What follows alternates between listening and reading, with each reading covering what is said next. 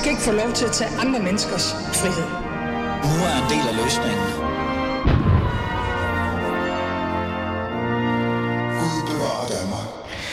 Er du en af dem, der ikke tør sige dit gode job op, men inderst inde øh, vil du hellere end gerne? Øh, min næste gæst har sagt sit direktørjob uden, øh, op, uden at vide, hvad hun vil, bortset fra et ønske om at stige det berømte hamsterhjul. Øh, og det, stige af det berømte hamsterhjul, og det glæder mig virkelig til at finde ud af, hvad er det inden for et hamsterhjul. Men det er også sket på baggrund af en, hvad kan vi sige, tragiske hændelser, men også bare generelt, og det er jo det, vi skal finde ud af, en refleksion over, hvad livet egentlig vil med en, eller hvad man selv vil med livet. Det er næste 55 minutter af Fæderlandet. Vi har en gæst i studiet, og vi skal tale tale og tale og reflektere over de store spørgsmål i livet. Men også bare generelt det der med, hvordan egentlig man kan sige, så et, øh, et godt job op. Det vil jeg gerne vide, fordi jeg, jeg kommer meget op i at få løn. Ja, det ved jeg ikke. Lad os komme i gang.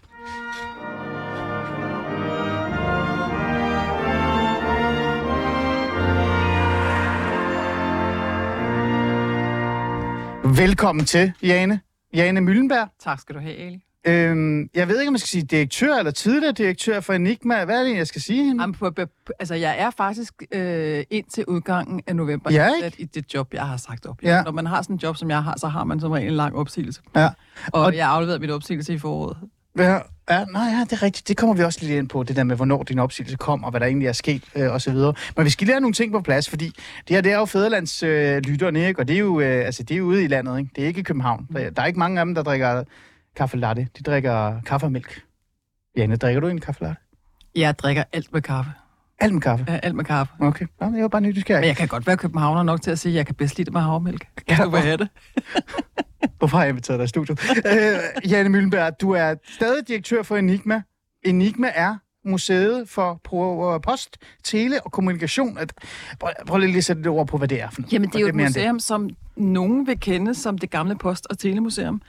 Øh, hvis man øh, havde besøgt det museum øh, for nogle år siden, øh, så lå det i Købmagergade lige over for Rundetårn, midt i København, Mm. og var et sted, som fortalte historien om, øh, hvordan vi har kommunikeret i Danmark fra øh, 1624 og frem til i dag. Mm. Meget med fokus selvfølgelig på post, tele, telegraf historien. Og da jeg kom til, var opgaven øh, et at flytte, fordi at øh, vi boede i et legemål, som var sagt op. Ja. Og to, øh, når man så alligevel pakkede tingene sammen, og det er ikke som at flytte en toværelseslejlighed, når man flytter et museum, Ej, det er... så også at gentænke museets virke. Øh, og øh, det, der stod ret klart, var, at historien om post og telefoni hørte til i historien, Ja.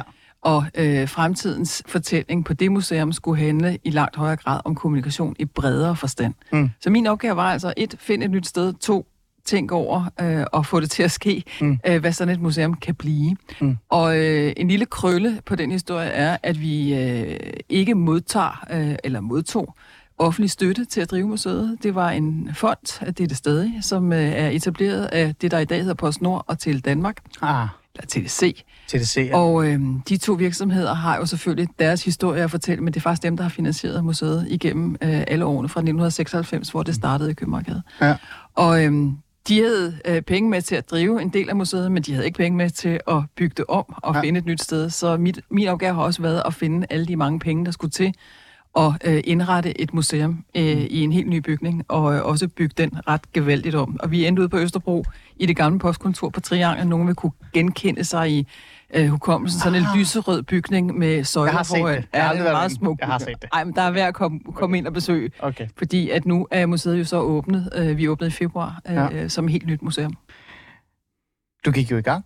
Det er den klassiske monolog fra en, øh, en, en fra kulturlivet. Jeg har en god ven, David Holt Olsen, som er museum. Øh, han er faktisk blevet direktør for Industrimuseet, og hver gang jeg spørger ham omkring noget med museer, så begynder han bare at tale Men det er jo fordi, vi i- elsker vores Så det er jo noget, du stadig brænder for. Jeg, jeg elsker da tanken om, at, at museer er til for danskerne, Ja. og til for at gøre os alle sammen klogere. Hvis der er noget, vi har brug for i en tid, hvor øh, kriserne står i kø, så er det da, at vi bliver klogere, så vi kan danne vores eget billede af, om de der kriser er noget, nogen tegner op for os, for at få os til at gå i en retning, eller det i rent faktisk er reelt. Og det er det, museer kan. Så museer betyder meget for dig. Kulturlivet betyder... betyder- betyder meget for dig. Ja, og jeg er jo også rundet af altid, altså jeg er 56, og i hele mit arbejdsliv har jeg arbejdet i kulturens tjeneste på en eller anden måde. Jeg har haft mange forskellige jobs, Ja. men det har altid været kultur, der har været øh, fællesnævneren.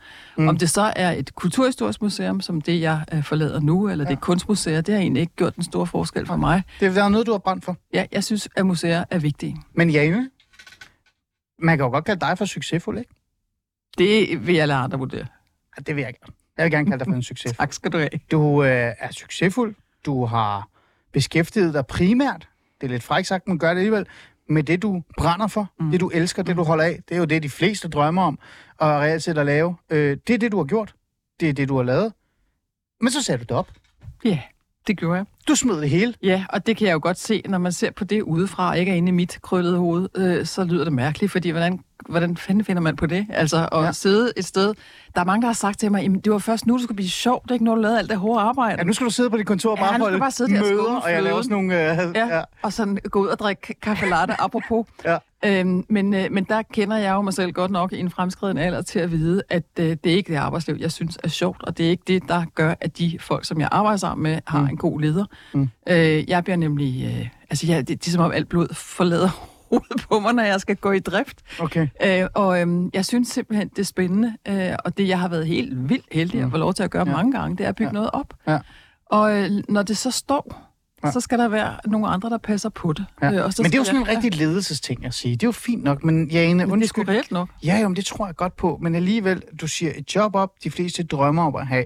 Du er succesfuld, øh, det kører godt for dig, men der skete også nogle ting, der gjorde, at du blev nødt til at begynde at reflektere lidt over dit liv. Ikke? Mm. Mhm. Dit liv blev jo øh, kort tid vendt op og ned. Øh, det er i hvert fald det, jeg også har læst mm. i Mhm. den her kronik, du har smidt ud i, øh, i Berlinske, som altså er...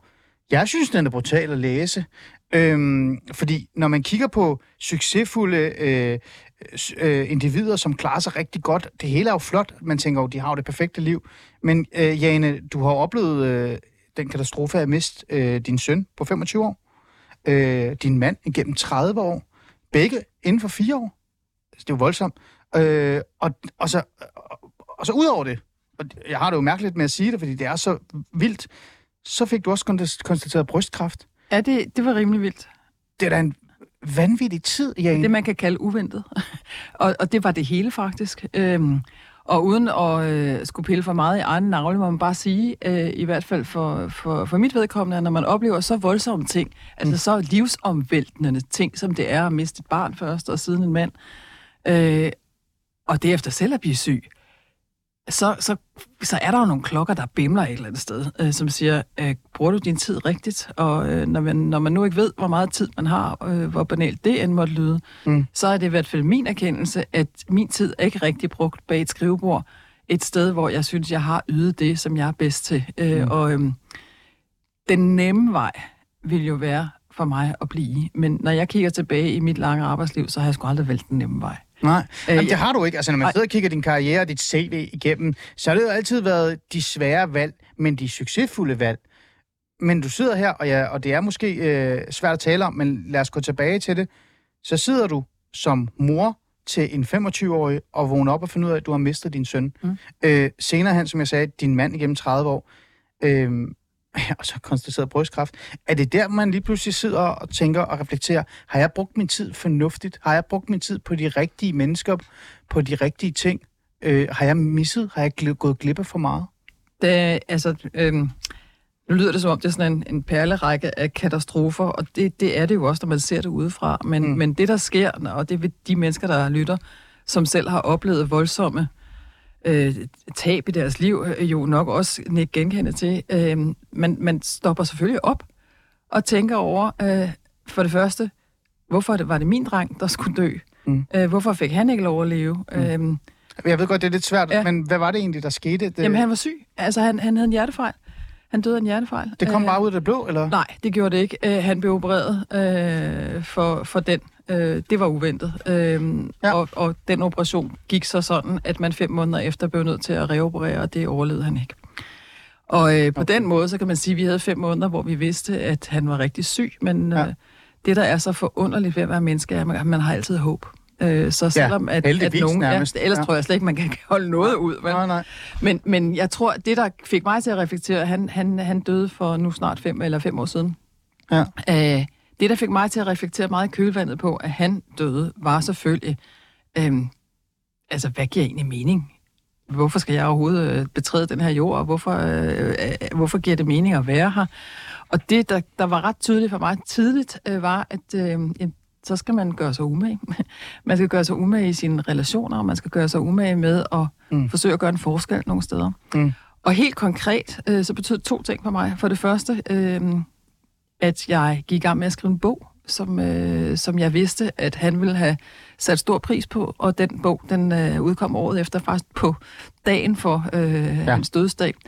Øh, den handler om øh, civilsamfundsfællesskaber, den handler om, hvordan vi i Danmark har en fantastisk tradition for at gribe hinandens hænder, når samfundet ikke længere øh, mm. bærer. Ja. Og jeg kiggede på over 200 forskellige slags fællesskaber, alt fra lektiecaféer til børn, der måske ikke har ja, ja. mulighed for det derhjemme, og mm. idrætsfællesskaber og fællesskaber mm. for mænd, der, mm. når mænd øh, mister, øh, har de større tendens til at falde igennem maskerne end kvinder. Det har de, Altså ja. noget. Ja. Og så skrev jeg om 24 af de fællesskaber, som jeg synes havde sådan en god eksempelkarakter. Og det gjorde jeg jo selvfølgelig, fordi jeg havde brug for også at blive bekræftet i, hvad jeg godt vidste, men som, som jeg måske havde endnu mere brug for at blive bekræftet igen, nemlig at mennesker som regel vil hinanden det godt. Mm. Og øhm, der var mange, der sagde til mig, da min søn døde, at øh, du kan også vende dig mod troen. Hvor jeg var sådan lidt, ej. Ja, fordi det er jo en af de til spørgsmål, jeg har til ja. dig. Sådan, altså, fordi når man mister på den måde, så hvorfor ikke øh, finde troen frem? Det er jo øh, ja, det, er der, det er der helt sikkert nogen, der gør. Øh, for mig øh, var det sådan set en markering af, at hvis jeg nogensinde havde forestillet mig at øh, bekende mig selv som religiøs, så var det i hvert fald øh, fuldstændig udelukket på det tidspunkt, fordi den retfærdighed, som jeg et eller andet sted ville forvente, ah. lå i øh, at bekende sig til en tro.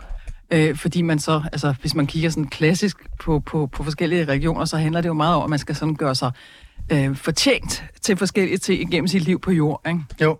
Og øh, jeg synes ikke, at min søn havde gjort sig fortjent til ikke at få et langt liv.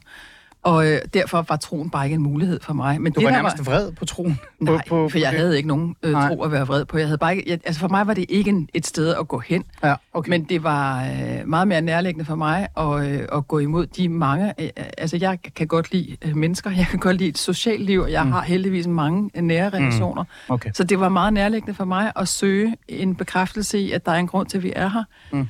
Og måske ligger den grund gemt i, at vi skal være gode til at være altså mm. sagt på børnehavesprog, gode ved hinanden. Mm. Øh, så derfor skrev jeg den bog. Og det andet, jeg gjorde, ja. var, at jeg, øh, jeg skrev en mail til en øh, bekendt, nej, det passer ikke engang, jeg havde mødt hende en gang. Jeg skrev til Øslem Sekic, som, øh, ja. Ja, som, jeg, øh, som jeg havde mødt i et tidligere job, hvor hun var boligoverfører øh, for SF, og jeg var direktør i en, øh, i en politisk lobbyistforening, som arbejdede for arkitekturens vilkår.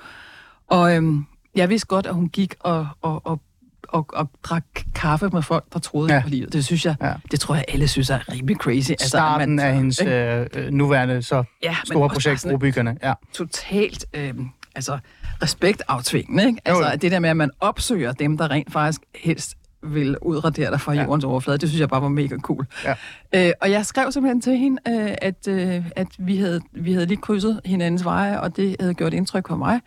Øh, men det havde gjort meget indtryk på mig, at hun var så vedholdt i sit arbejde for at skabe en dialog mellem mennesker. Mm. Og hvis hun kunne bruge mig til et eller andet, øh, altså for eksempel brygge noget af det der dialogkaffe, så ville jeg sådan set rigtig gerne lægge nogle frivillige timer hos hende. Mm. Og øh, den samtale, og det er så typisk Øslem, nu kender jeg hende rigtig godt øh, ja. øh, nu. Øh, jeg skrev også, at jeg havde mistet min søn, og det var årsagen til, at jeg ligesom har ragt ud nu. Og så skrev hun bare tilbage, øh, hvornår kan vi mødes, fordi den der mail kan man ikke svare på på skrift. Nej. Og så ringede hun, og så talte vi sammen et par timer, og for at gøre en lang historie kort, så endte det med, at vi sammen, øh, hun og jeg og Ben Melchior, den tidligere overrabiner, etablerede foreningen Brobyggerne, mm. som i dag har 10.000 medlemmer. Jeg blev næstformand, Ben Melchior var formand for, for, for bestyrelsen. Ja. Og da Ben så døde for to år siden, blev jeg formand. Ja. Og har arbejdet for det projekt, indtil jeg øh, trak mig i april mm. måned, øh, efter at have brugt rigtig, rigtig mange timer. Ja på det projekt. Og det gjorde jeg jo selvfølgelig også for at blive bekræftet i troen på, at menneskers relationer er det, der bærer os igennem et liv. Mm. Også når et liv bliver svært. De her ting, øh, som i virkeligheden er jo ekstremt positiv, kommer ud fra en katastrofe. Det her at miste din søn. Øh, nu spørger jeg lidt, øh, og det kan godt være, at det er lidt, måske lidt hårdt, men gjorde du de her ting for dig selv, eller gjorde du det for din søn? Jeg gjorde det selvfølgelig. En... Jeg gjorde det klart for mig selv, for at finde ud af at være på jorden på en måde, mm. som, øh, som jeg synes var meningsfuld, men jeg gjorde det med øh, tanke på ham. Øh, så han var selv frivillig forskellige steder, og i begyndelsen tænkte jeg, at jeg skulle lægge mine timer der, hvor han havde været frivillig, og heldigvis blev jeg klogere. Mm. Og øh, erkendte, at det var hans sager. og ikke mine. Ja. Øh, men de, de, de ting, jeg kastede mig over, øh, var nogen, som jeg vidste, han værdimæssigt øh, ville have bifaldt. Mm.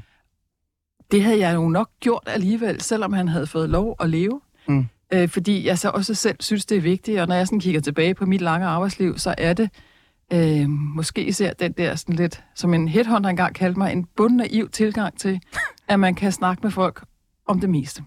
Ah, Og, øh, og det, det, det tror jeg, altså jeg har jo også så lavet et museum for kommunikation, det er jo Jamen, det har du. stort set det det samme. er det eneste, du... Ja, ja. Øh, så, så, så, øhm, så jeg tror egentlig, jeg havde gjort det, jeg havde nok bare ikke gjort det med samme hastighed. Nej.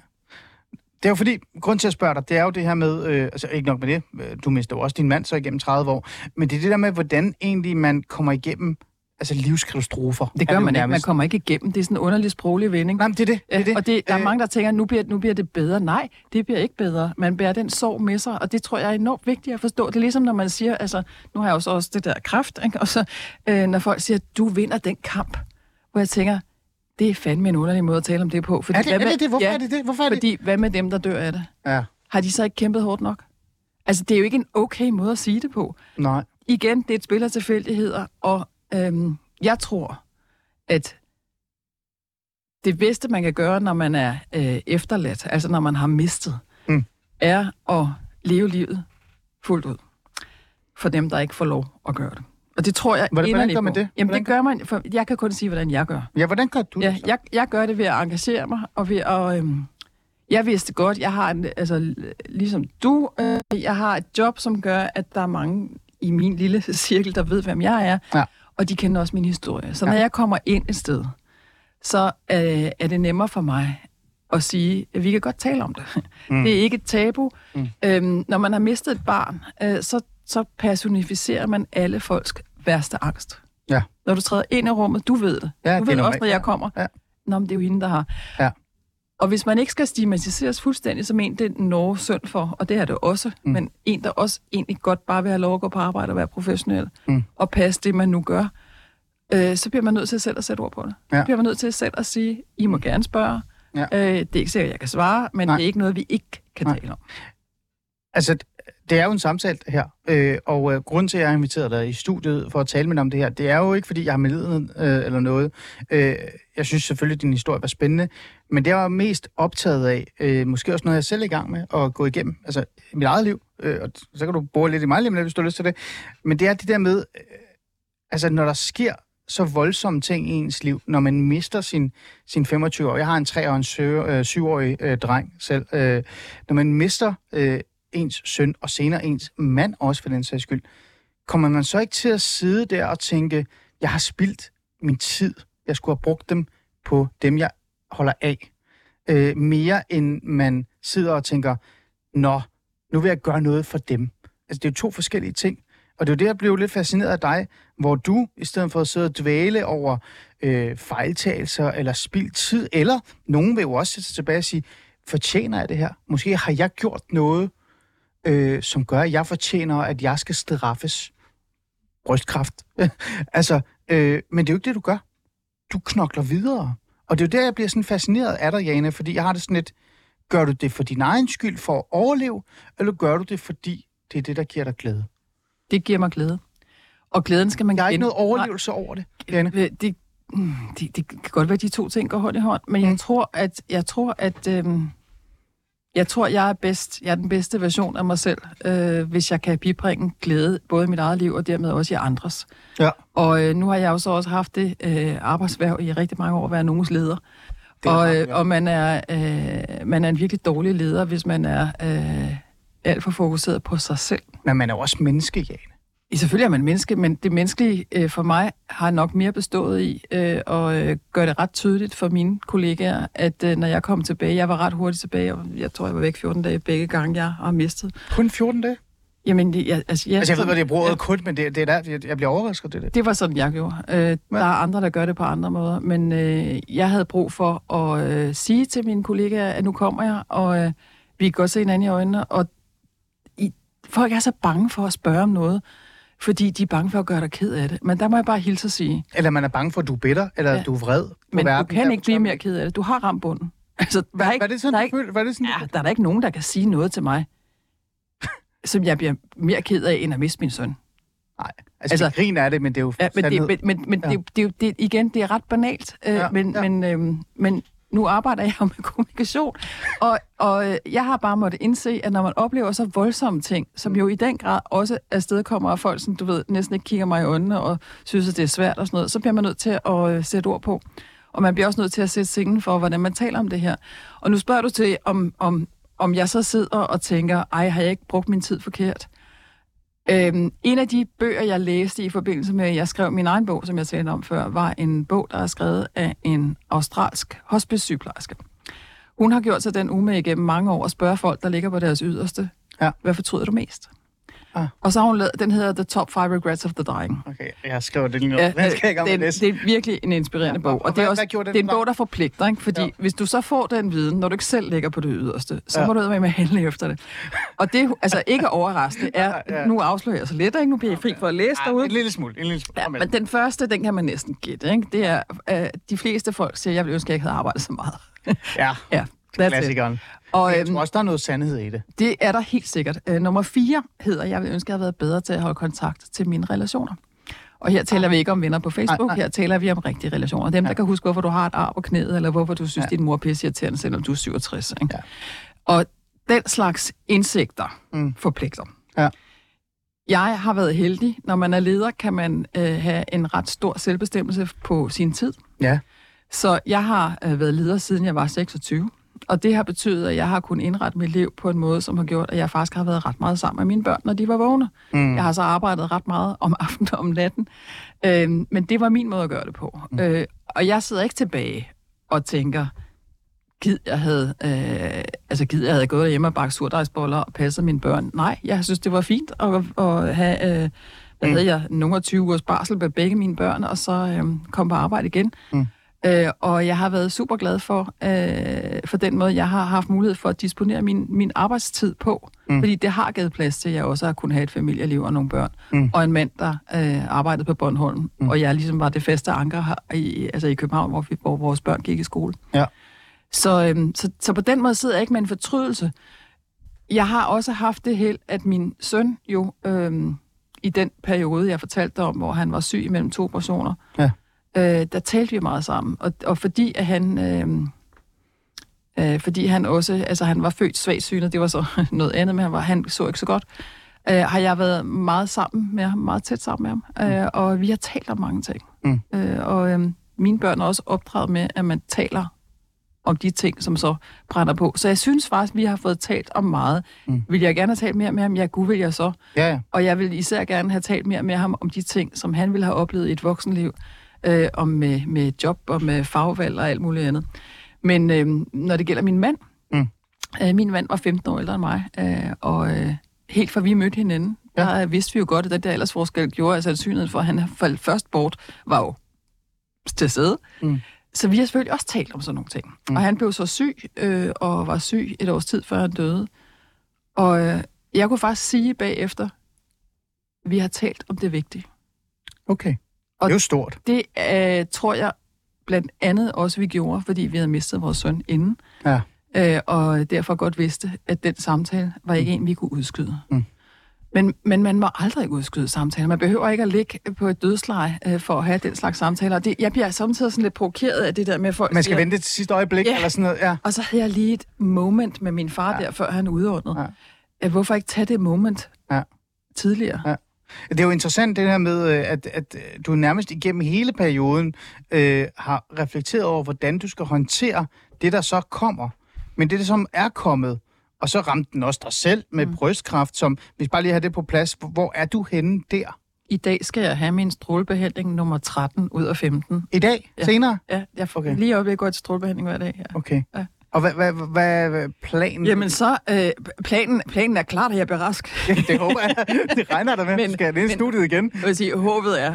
Øh, men øh, men øh, jeg tror, jeg har været en af de heldige, Okay. øh, forstået på den måde, at jeg fik ind ad døren en indkaldelse til sådan en mammografi, som kvinder i min alder gør. Ah, og så bum. Og så fangede de den der. Så jeg tror og håber på, at de har ret, de kloge mennesker i sundhedsvæsenet, når de siger til mig, Okay. at, øh, at den er fanget ja. tidligt. Nå, så kan vi da sige tak til Lars Lykke for et eller andet. Altså, det er jo altså noget der, ikke? Jeg er taknemmelig for den kraftpakke. Ja, nemlig.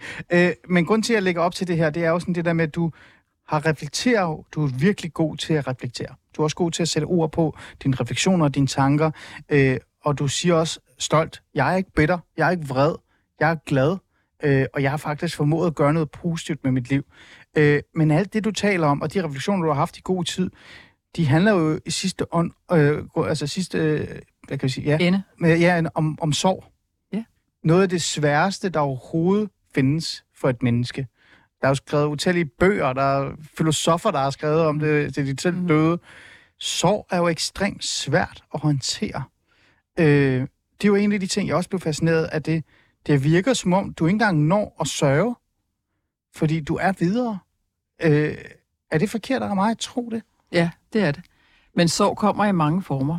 Og jeg tror ikke, der er en opskrift. Det er vel også derfor, at alle de der kloge mennesker, har ramt op, har skrevet om det. Øh, Jeg kan kun tale om, hvordan at det har været for mig, og hvordan jeg har håndteret øh, en situation, som er... Altså, når jeg hører min historie fortalt, kan jeg da godt høre, at det er fuldstændig vanvittigt. Ja. Men jeg har også truffet et valg. Mm. Jeg har truffet et valg om, at jeg vil være i livet. Mm. Og jeg vil være... Jeg vil, jeg vil gå efter lykken. Ja. Øh, og den lykke kan, altså den, i mit liv indfinder den sig i mødet med mennesker, jeg holder af. Mm. Og øhm, der kan også være øh, lykkelige stunder for mig i forhold til at opleve kunst. Mm. I alle mulige former. Mm. Øh, enten fordi jeg føler, at det sætter ord eller billede på noget, jeg ikke selv formår. Ja. Eller fordi det bringer mig steder hen i mine tanker, øh, hvor jeg ikke havde været, Mm. og var glad for at komme hen. Mm. Og så synes jeg jo dybest set, at når vi har fået et liv, så skal vi bruge det. Men, men ja, jeg prøver, det lyder rigtig flot. Øh, og jeg har lyst til at optage og gemme det der, ikke? Og så kan vi sådan afspille det for folk, der gerne vil have sovvejledning i virkeligheden. Men siger du her til mig, at du aldrig sidder i et, et mørkt øjeblik, en mørk stund, øh, og, og bare bliver fyldt op med sorg, med savn og med øh, det her bitterhed omkring, ja. hvorfor mig? Hvorfor skal jeg have brystkræft? Ej, det- Hvorfor skal det- min søn øh, dø? Hvorfor skal min mand... Altså, igen, jeg siger det jo ikke, fordi jeg... Det, men det er jo bare menneskeligt. Ja, øhm, det- jo, jeg kunne godt, igen, det er et valg. Jeg kunne godt vælge at sætte mig ind og slukke alt lys og trække alle gardiner for og sige, hvor er det dog synd for mig, og hvad har jeg dog gjort for at øh, skulle øh, ende, hvor jeg er. Men det vælger jeg ikke at gøre. Jeg vælger at... Øh, Du får det bare til at lyde nemt. Jamen, det, jamen, det, øh, det, det, jeg ved ikke, hvordan det er for andre. Nej, Nej, for nej. mig har det været Ja. den eneste vej at gå. Den næste vej. Ja. Fordi det, jeg vil være allermest bange for nu, Ja. det vil være at miste de relationer, som jeg har. Dem, mm. der er levende. Ja. Og jeg ved godt, hvordan jeg selv reagerer, hvis folk bliver fuldstændig optaget af sygdom og alt muligt andet. Altså, så bliver det på et tidspunkt for meget. Mm. Øh, og det er ikke, fordi jeg ikke anerkender, at det fylder. Men, men jeg er måske...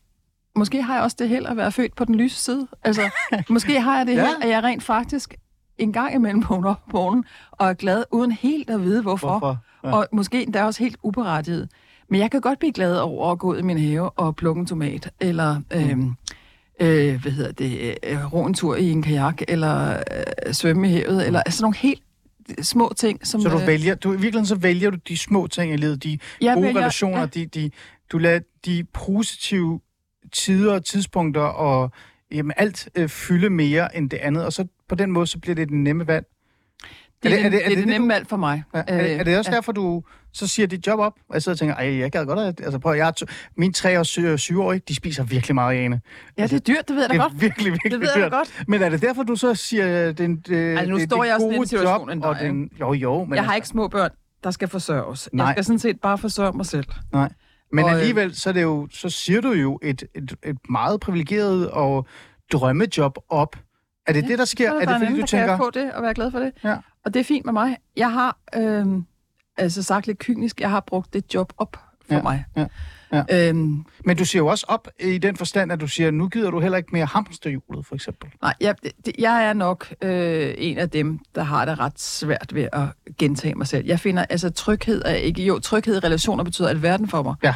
Men tryghed i øh, forstået i materialitet, altså i, i øh, Ja. omgivelser, øh, og have en dejlig bil og et, Ja. godt hus og sådan noget, det, det, det er bekvemt, Ja. men jeg ved godt, jeg kan leve uden.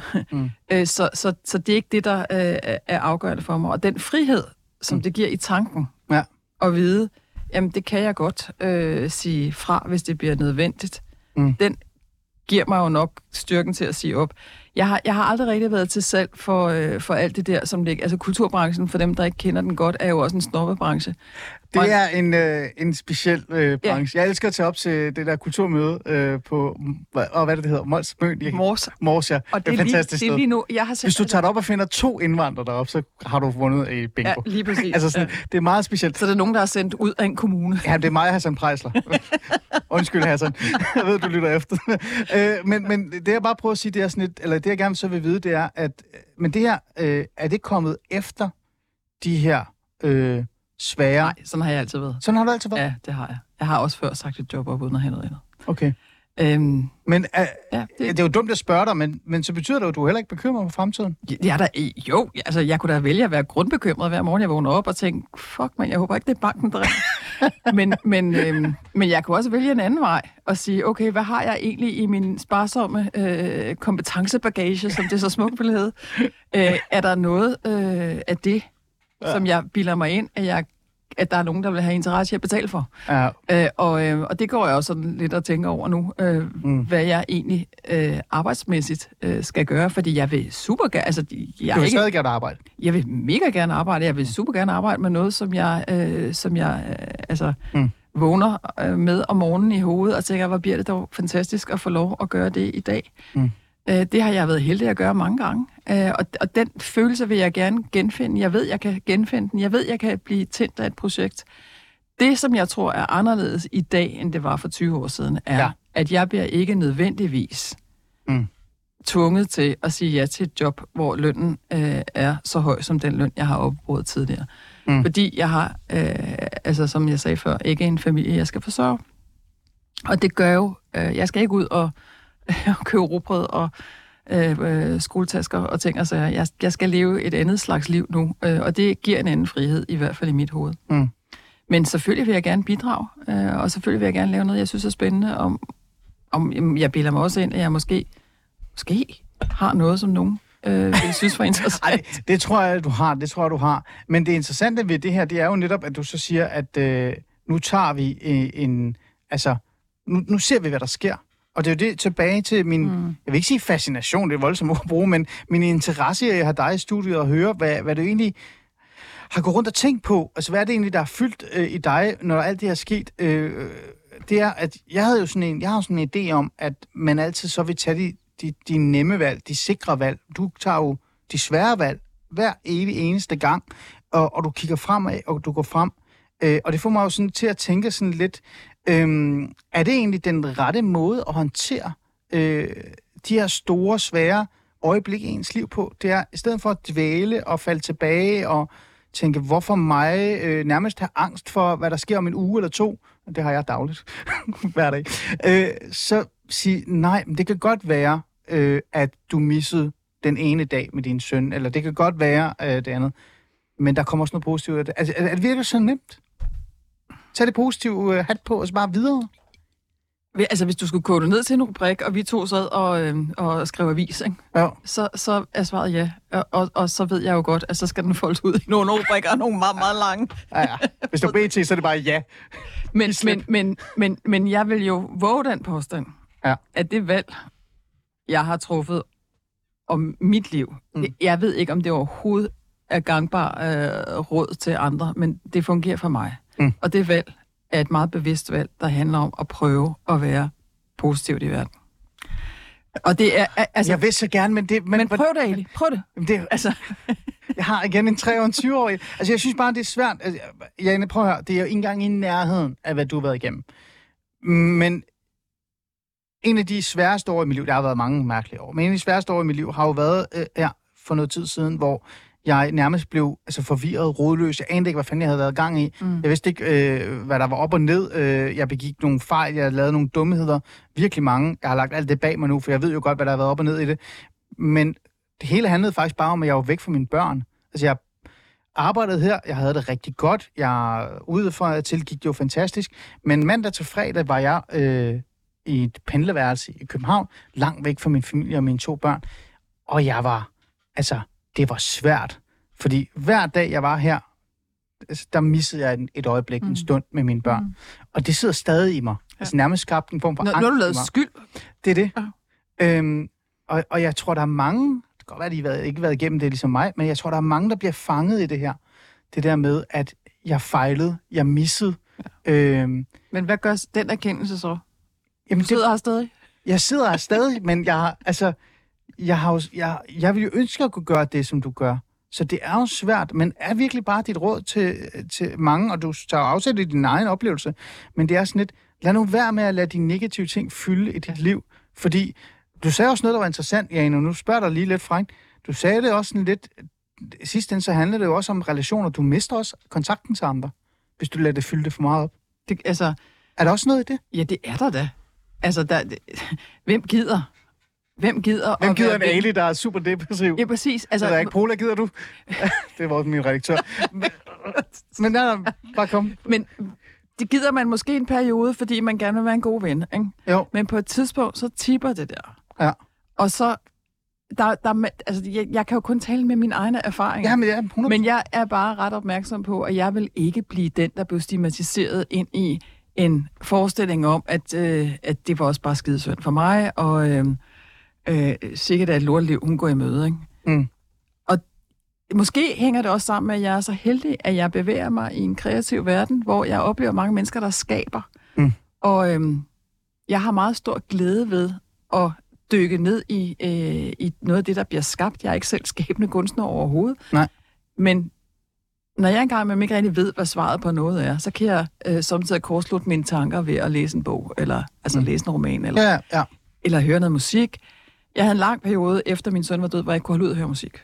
Altså som i mig, der elsker, Fordi jeg det, elsker at fordi synge. det mindede dig om din søn. Jeg kunne bare ikke have den, altså det der outburst af en eller anden form for livsglæde, som der også ligger Ah. i musik. Og det var endnu værre, hvis det var øh, trist, Ja. ja. altså sad songs. Ikke? Det Ja, var jeg slet ikke Gud. være i. Ah, nej. Og så på et tidspunkt, så besluttede jeg mig for, at jeg har haft så meget glæde ved musik. Mm. Så den bliver jeg simpelthen nødt til at genfinde. Så jeg gjorde det. Min søn var selv meget øh, glad for musik, og øh, lavede selv musik. Øh, og han var introduceret tit mig til, til ny musik. Ja. Og jeg gjorde simpelthen det, jeg skrev til, jeg er så heldig, så jeg har en 7-8 unge mennesker i familien, som er mellem 15 og 25. Og jeg skrev simpelthen til dem, lavede sådan en gruppechat, og så sagde vi, hvad venner, nu er jeg klar til at høre musik, I skal hjælpe mig. Lav en playliste til mig over, hvad I lytter til, så Ja. jeg ligesom lige kommer lidt op to speed igen, så jeg ikke Ja. falder ned i øh, et eller andet trist 80'er-hul, ikke? Ja. hvor jeg naturligt vil falde ned. Hey, jeg hører 80'er musik. Synes, Tak. Det var hårdt sagt, Tak, før. det er jeg glad for. Men jeg kan så bidrage lidt med, med noget af det nye. Jeg vil gerne med i den der liste, så jeg skal have noget nyt. Men jeg har nu en playliste med 15 timers musik, Ja. ja. som de der skønne unge mennesker har valgt ja. til mig. Positiv in, nye input. Ja, og, Ja. og, og det gør mig glad. Og jeg Så- tænker, giv min søn dog kunne have hørt det her, det her, det ville han have sat pris på, det her, ville han synes havde været noget lort. Mm. Men vi havde haft en dialog om det. Mm. Og, og, og det var jo et- igen et aktivt valg, jeg Mm. tog. Mm. Altså, jeg vil tage musikken, og den glæde, der ligger i musikken, tilbage. Mm. Det bliver nødt til at lade de unge mennesker gøre. Mm. Fordi jeg formår det ikke selv. Så det er reelt set bare svaret på mit spørgsmål, og min fascination er der virkelig omkring det der med, hvordan kan man komme videre med så mange øh, katastrofer, og så meget ulykke, og så meget sorg, som stadig sidder i dig. Det ved jeg, det gør. Det kan jeg jo se. Men det forlader- Selvom- det selvom forlader du dig sidder og smiler, så kan jeg jo Ja. se, at det stadig er i dig. Men så er svaret til det, hvordan kan man komme videre, det er jo reelt set at, at prøve at fylde det med noget positivt. Fyld dit liv med så meget positivitet som muligt, Løft så det andet ikke kan... Ja, løft blikket og kig ud i verden og se, Mm. at verden oftest møder dig med kærlighed, måske store ord, ikke? Men Ja. Jeg vil gerne bruge et eksempel fra, øh, fra den der bog, jeg skrev, Ja. øh, hvor jeg kiggede lidt gerne. på, hvor, hvad der var øh, af sådan gode eksempler. Og et af dem, som jeg elsker, er øh, fra en produktionsskole nede i Brøndby. Øh, dernede un, under, øh, uddanner de kosmetologer og negleteknikere. Ah, ja. Og øh, det er tit piger, øh, som øh, gerne vil være frisører. Ja. Og øh, de sidder så og øver sig på sådan nogle silikonhoveder, som du, hvis du øh, har små Ja, børn, ja, ja. kender, ikke? Jo, jo, jo, dem kender jeg godt, ja. Får man dem i julegaver, så sidder Ja. man og krøller hår. Og Præcis. det gør de der piger også. Indtil Lisette, som var leder af deres linje dernede, Ja. ja. kosmetologlinjen, løftede blikket og så på den anden side af gaden. Det var Lund Plejehjem. Ah, Hvad gjorde hun? Ja. Hun satte pigerne over og satte hår og lavede negle på de der demente mennesker. okay. Hvem vandt ved det? Ja, ja. Ja, det gjorde begge parter. Det gjorde begge parter. Og det fedeste var, at de har gjort det i 10 år. Hver anden fredag tager skønhedspigerne, som de kalder sig selv, deres små kufferter, og så går de over gaden, ikke? Mm. Og så sætter de hår på de der gamle mennesker. Okay. Og de gamle mennesker, de fik stillet deres hudsult. Altså det, at der var nogen, der rent Ja, ja, ja. faktisk rørte ved dem, ikke for at være omsorgspersoner, men rent faktisk for at være øh, og de unge fik noget meningsfuldt ind i... Og jeg snakkede med nogle af de der unge, og to af de piger, jeg snakkede med, jeg spurgte dem sådan lidt, hvad har de gjort ved jer? Så sagde de, vi ville gerne have været, øh, vi ville gerne have været frisører, Ja. men det vil vi ikke i dag, vi vil arbejde i ældreplejen. Okay. Og så havde det sådan lidt, yes. Ja. Så det er det meningsfulde. Det er det der med Det er det, meningsfulde. og det er at løfte blikket. Ja. Og apropos løfte blikket. øhm, det er ikke, fordi jeg ikke vil tale med dig omkring den her rejse. Så er der også noget andet på menuen, som jeg synes var interessant også at tale om, øh, fordi at øh, der sker jo noget spændende derude. Så vi kommer lige tilbage til vores snak, men vi hopper lige over til en, en uh, interessant uh, nyhed, som jeg også gerne vil have med i dag. Så, og den skal vi have nu, fordi det er lidt svært, ellers skal vi ikke have den med. Ja.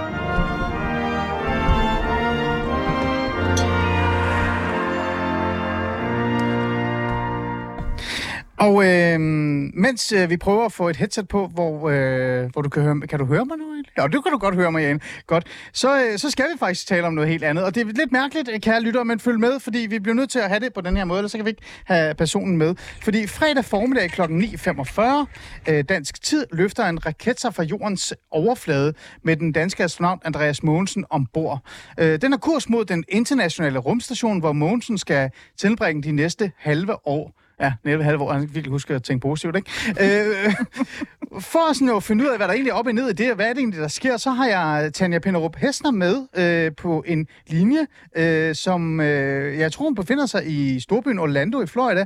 Øh, du øh, har været i kontakt med den amerikanske rumagentur, øh, agentur, NASA, der sammen med deres europæiske kollegaer står for den her opsendelse, og du har faktisk haft adgang til NASA-anlægget som journalist.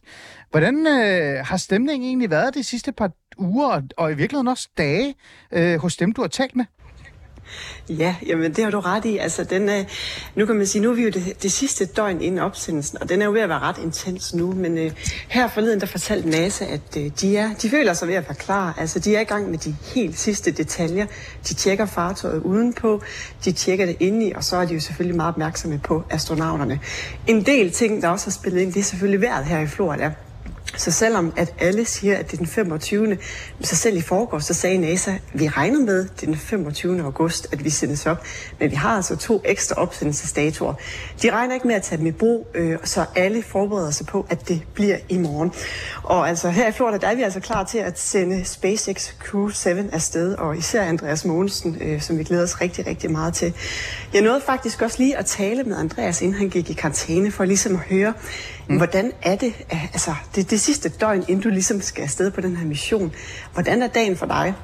Og der fortalte Andreas Mogensen, at det er intenst. Det er en, en hel dag, der er fuldstændig skemalagt, time til time.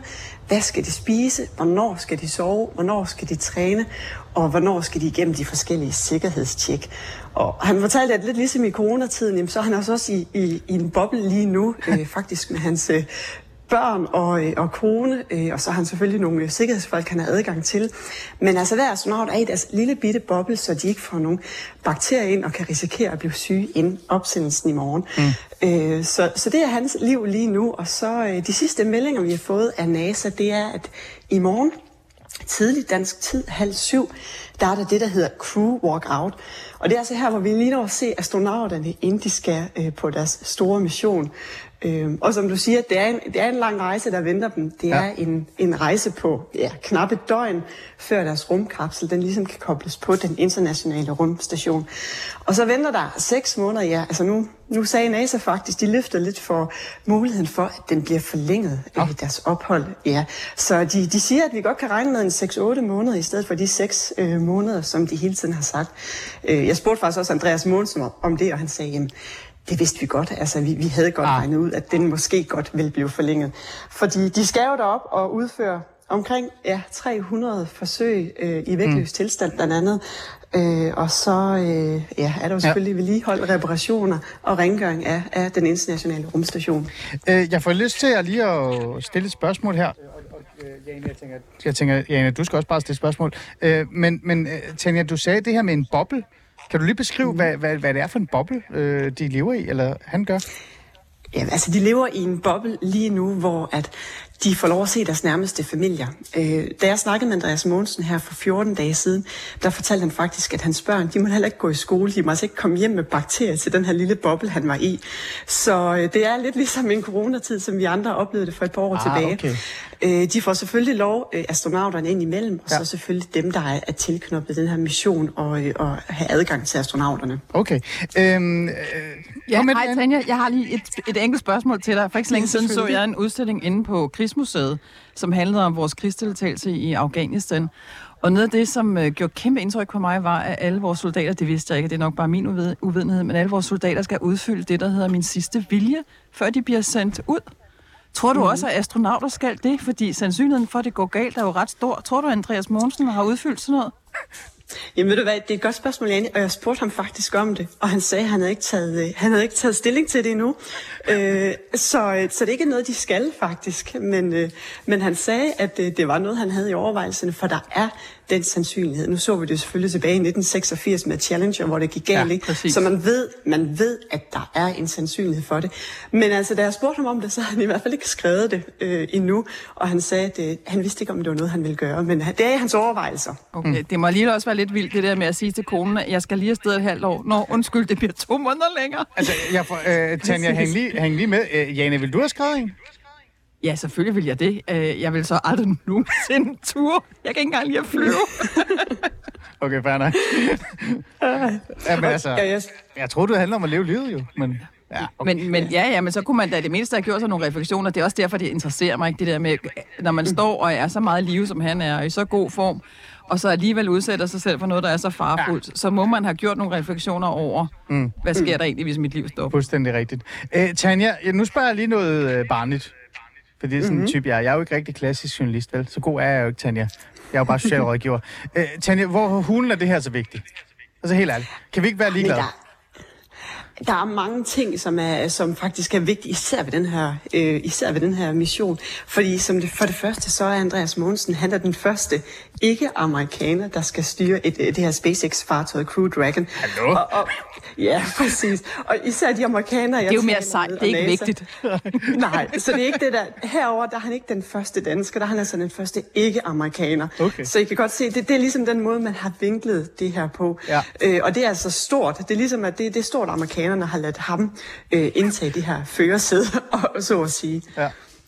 Okay, interessant. Æ, er, er, altså, undskyld, er, er det fordi, vi er sådan ekstra gode, eller er det bare ham, der er exceptionelt dygtig til at navigere? Jeg ved det ikke.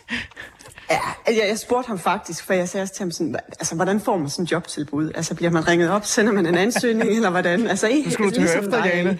Ja. Helt, helt lavpraktisk.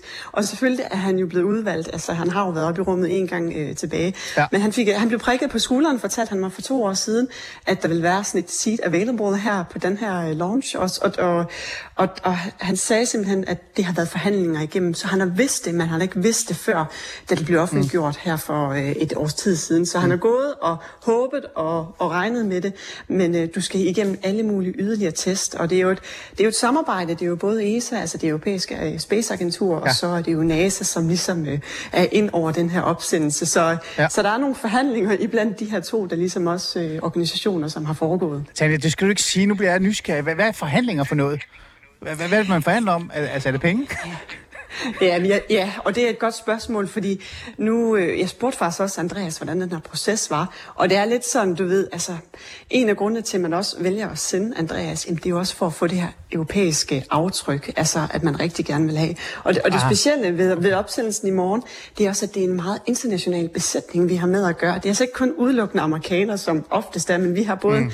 en repræsentant for fra Japan, og vi har en også fra USA, og så, øh, og så har vi også en fra, øh, fra Canada. Så, så det, er, det er sådan en meget international en, vi, vi sender afsted. Okay, okay. Men altså, Andreas Mogensen får meget opmærksomhed, Ja. øh, især fordi han er den første ikke-amerikaner. Det, det går de meget op i herovre. Ja, fantastisk. Ja. Tanja, hvad er det vigtigste, den her mission kan komme hjem med? Hvad, hvornår ved vi, at det er en kæmpe succes? Ja, øh, det, det er en succes, når de har udført alle deres missioner, og Jana og Ali, det er altså 300, eller øh, ikke missioner, øh, forsøg, det er altså 300 forsøg, som de skal udføre. Øh, og øh, det, altså det er alt lige fra sundhedsforsøg, altså på egne kroppe. Øh, for eksempel er en af forsøgene, jamen, hvordan sover man? Altså hvordan bliver ens søvn påvirket i vægtløs tilstand og sådan noget. Mm. Så er alle mulige apparater, der ligesom skal sende data herned til jorden, så vi bliver klogere på, på det. Øh, Så de skal igennem rigtig, rigtig mange forsøg. De skal prøve at tage billeder af lyn oppefra, i stedet for nedefra, som vi gør hernede fra jorden. Så der er alt muligt teknisk, de skal igennem. Øhm, Og han, han fortalte, at, at det foregår simpelthen, at, at hver uge får de en plan, og den bliver revideret hver eneste dag. Fordi hvis nu de er heldige, at det her, der er gode chancer for at se lyn, så er der nogle teknikere hernede, der sidder og bytter om på deres opgaver. Ah, okay. okay. Så, så øh, ja, så de har de Ja. her forsøg, og jeg spurgte ham, forventede jeg at komme hjem med dem alle sammen? Han sagde, ja. men det er faktisk det, er ambition, og det er også derfor, man er villig til at forlænge i den anden ende, så man får så meget data som muligt. Okay. Hvis de nu er hurtigere, kommer de så hjem tidligere? Ja, det fik jeg ikke spurgt ham om, men det, det tror jeg ikke.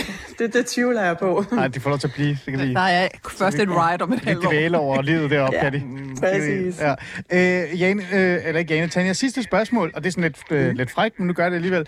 Øh, Rusland, er de egentlig med i det her? Ja, de er også med i det her. Ja, interessant. Hvordan, hvordan er det egentlig derovre? Forstår jeg det med forhandling? Men hvordan Ja. er det egentlig, det med, at Rusland er med i det her?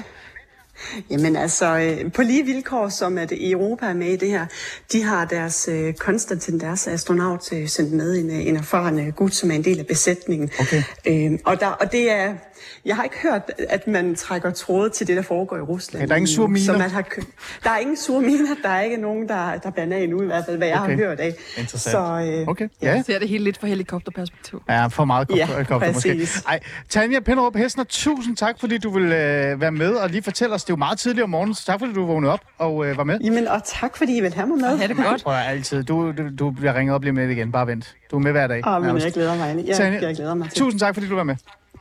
Alle tids. God dag til jer. I lige måde. Altså, jeg ved godt, det var noget helt andet, ikke? Og vi hoppede lige pludselig ind i det, for det var fordi, vi skulle ringe Tanja op, og det er tidlig morgen. Men, men det er jo meget interessant, det der med, sådan, du ved, livet, ikke? Hvad man egentlig skal bruge det til, ikke? Nu tager Andreas Mogensen til, til rumstation ud i land, og han har ikke engang skrevet under det der, du, du talte om. Vi, ej, vi ved det ikke. Nej, Tanja nej, sagde, vi ved det ikke. nej. Men nu spørger jeg lidt frækt. Får du lyst til at skrive sådan en nu? Altså, undskyld, men altså, hvorfor ikke? Ej, Jeg får faktisk måske- lyst til det. Knock yourself out. altså, Nej. øh, nej, det tror jeg ikke, jeg gør. Øhm, jeg tror heller, jeg vil bruge min tid på at, øh, at sige til de mennesker, jeg holder af, at jeg holder af. Ja, du vil kramme Nu i din mail bagefter. Ja, og det er måske øh, en læring, som øh, mit ja. liv har givet mig, at det er nu, Ja. øh, at livet gælder. Det er ikke øh, på, øh, Ja. på forventet efterbevilling. Vi har jo talt om rigtig mange ting. Vi har talt om, øh, om sorg, vi har talt om, hvordan man kan komme videre, vi har talt om, om miste, men også være positiv. Og hold kæft, mand, jeg har lært meget, man må godt bande mit program, øh, Jane, bare de få øh, minutter, jeg har været sammen med dig. Øh, men her til sidst, det her med rumstationer og alt det her, er det også bare et bevis på, at der er noget, der altid er større end os selv, og derfor skal vi altid kigge lidt fremad. Ja, det, det, det er jeg helt sikker. Nu, nu er jeg jo også øh, historiker, mm. så, så jeg synes i den grad, man skal kigge både tilbage og frem. Øh, og for at forstå overhovedet at manøvrere i vores eget liv, så er det nødvendigt, at man dels erkender, at der har været nogen før os, og der kommer nogen efter. Ja. Så jeg tror, at forståelsen af, at vi bare er bitte små mm. i et meget, meget stort kosmos, øh, som øh, Andreas så får lov at se fra et andet perspektiv end os Ja, det andre. Jeg glæder mig ret meget til de der billeder med lyn taget ovenfra. Det, bliver, Ja, det, det, sejt. også. Ja. Det kunne giver- være noget af det, der giver os en læring, øh, og måske også øh, gør, at vi ikke er helt så meget oppe i os selv, øh, men måske lidt mere ude blandt andre. Ja, og du har nok ret. Igen. Sådan det. Jan Møllenberg, tusind tak, fordi du vil komme og tale med mig omkring noget svært, men også noget, noget godt her, øh, i hvert fald til sidst. Og til jer lyttere, tusind tak, fordi I vil lytte med de to timer, I overlevede. Tillykke med det.